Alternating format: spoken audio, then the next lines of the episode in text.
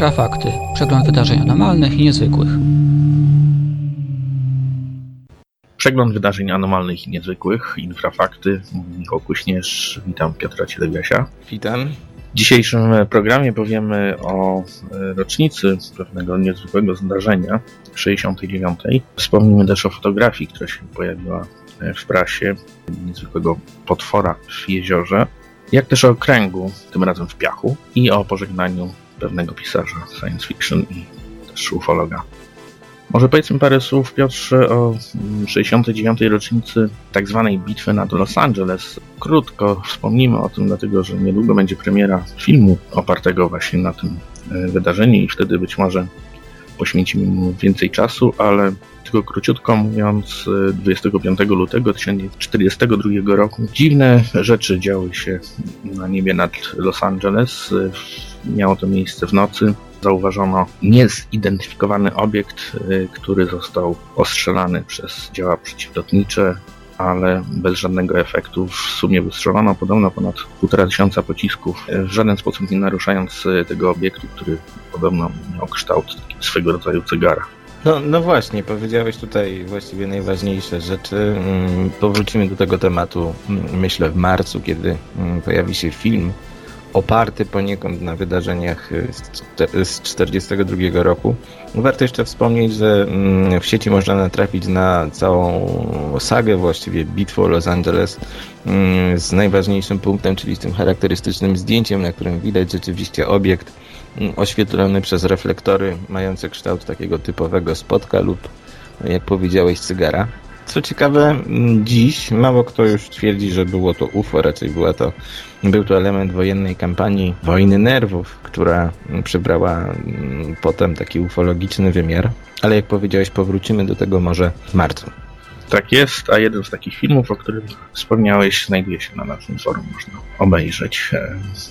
Powiedzmy może też o zdjęciu, które ukazało się w brytyjskiej prasie parę dni temu, które zostało okrzyknięte jednym z najlepszych zdjęć pewnej odmiany Nessie.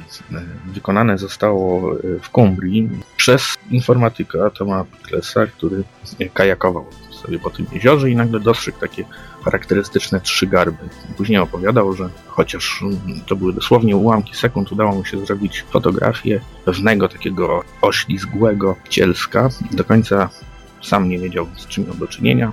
Zdjęcie trafiło do prasy, zrobiło furorę, ale zaraz później pojawiły się też wątpliwości co do jego autentyczności. No tak, zdjęcie jest troszeczkę małe i jest złej jakości. Właściwie jest czarno-biały, widzimy na nim e, jezioro, w dali jakieś krzaczki.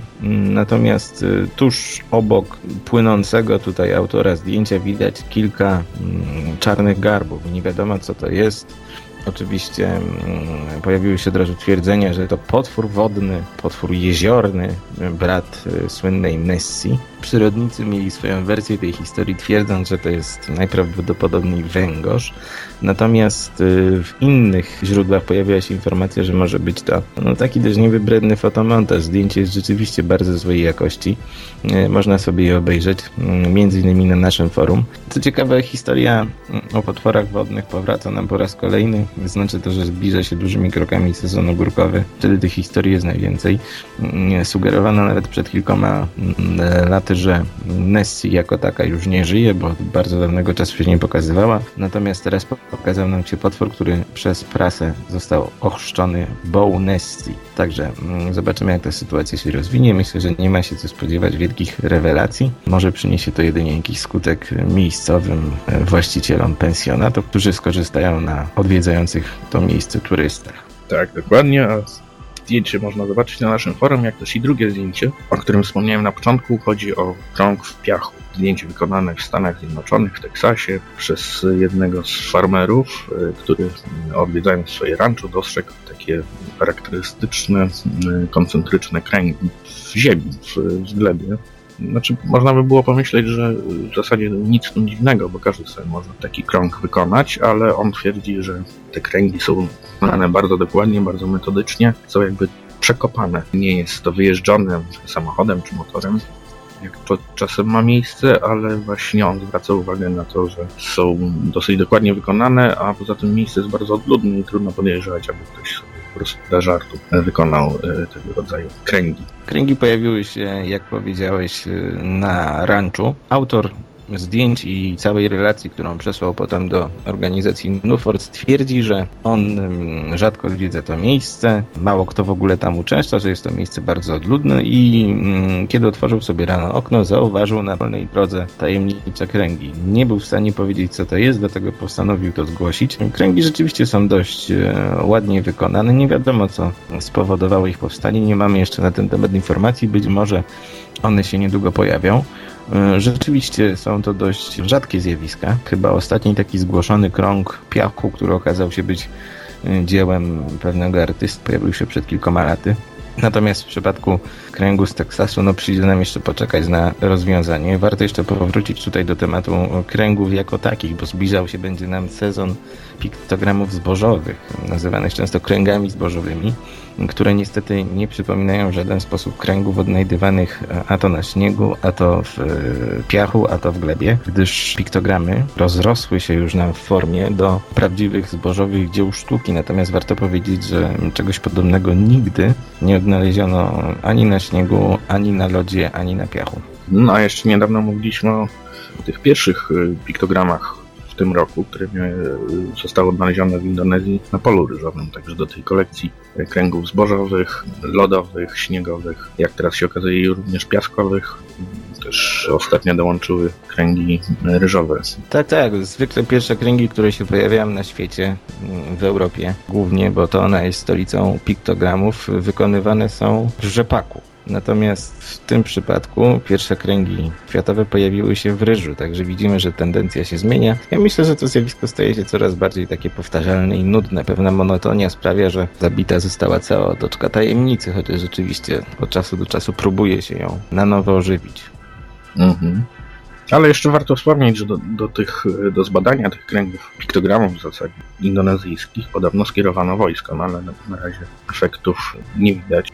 Może na koniec powiedzmy też o pożegnaniu z Ionem Hobaną, najsłynniejszym rumuńskim pisarzem science fiction, uhonorowanym wieloma nagrodami, innymi też przez y, ministra kultury Polski swego czasu, ale też on był nie tylko pisarzem science fiction, ale również ufologiem. Bardzo interesował się tą tematyką i tutaj też pojawia się kolejny polski ślad związany właśnie z nim. Tak, Jon Hobana zmarł całkiem niedawno. Tutaj Nazywano go nawet Nestorem rumuńskiej ufologii. Rzeczywiście tak mm, było, zajmował się tam sprawą dość intensywnie. Wydał też kilka książek i ten polski ślad, o którym mówisz, związany jest z incydentem w Gdyni. To znaczy wiele osób e, twierdzi, że mm, to właśnie Jon Hobana pewien sposób rozpropagował legendę dotyczącą znalezienia na plaży w Gdyni tej tajemniczej istoty. Przypomnijmy, że mm, mówimy tutaj o wydarzeniu z roku 59, kiedy do basenu portowego spadł jakiś obiekt e, i tutaj właściwie wszystkie, cała historia się kończy. Natomiast potem w europejskich e, książkach ufologicznych pojawiła się tak jakby pewna mm, dalsza część historii z Gdyni, w której rzekomy rozbitek z tej katastrofy miał się znaleźć na plaży i miał zostać odnaleziony przez strażników, a potem wysłany gdzieś na badania do Polski, a potem do Związku Radzieckiego. No raczej nie była to chyba prawda, chociaż mm, próbowano to wielokrotnie tutaj uzupełniać jakimiś nowymi elementami. Według niektórych właśnie to dzięki Jonowi Chobanie ta historia o sześciopalczastym kosmicie z plaży w Gdyni mm, zaistniała i stała się taką kolejną legendą.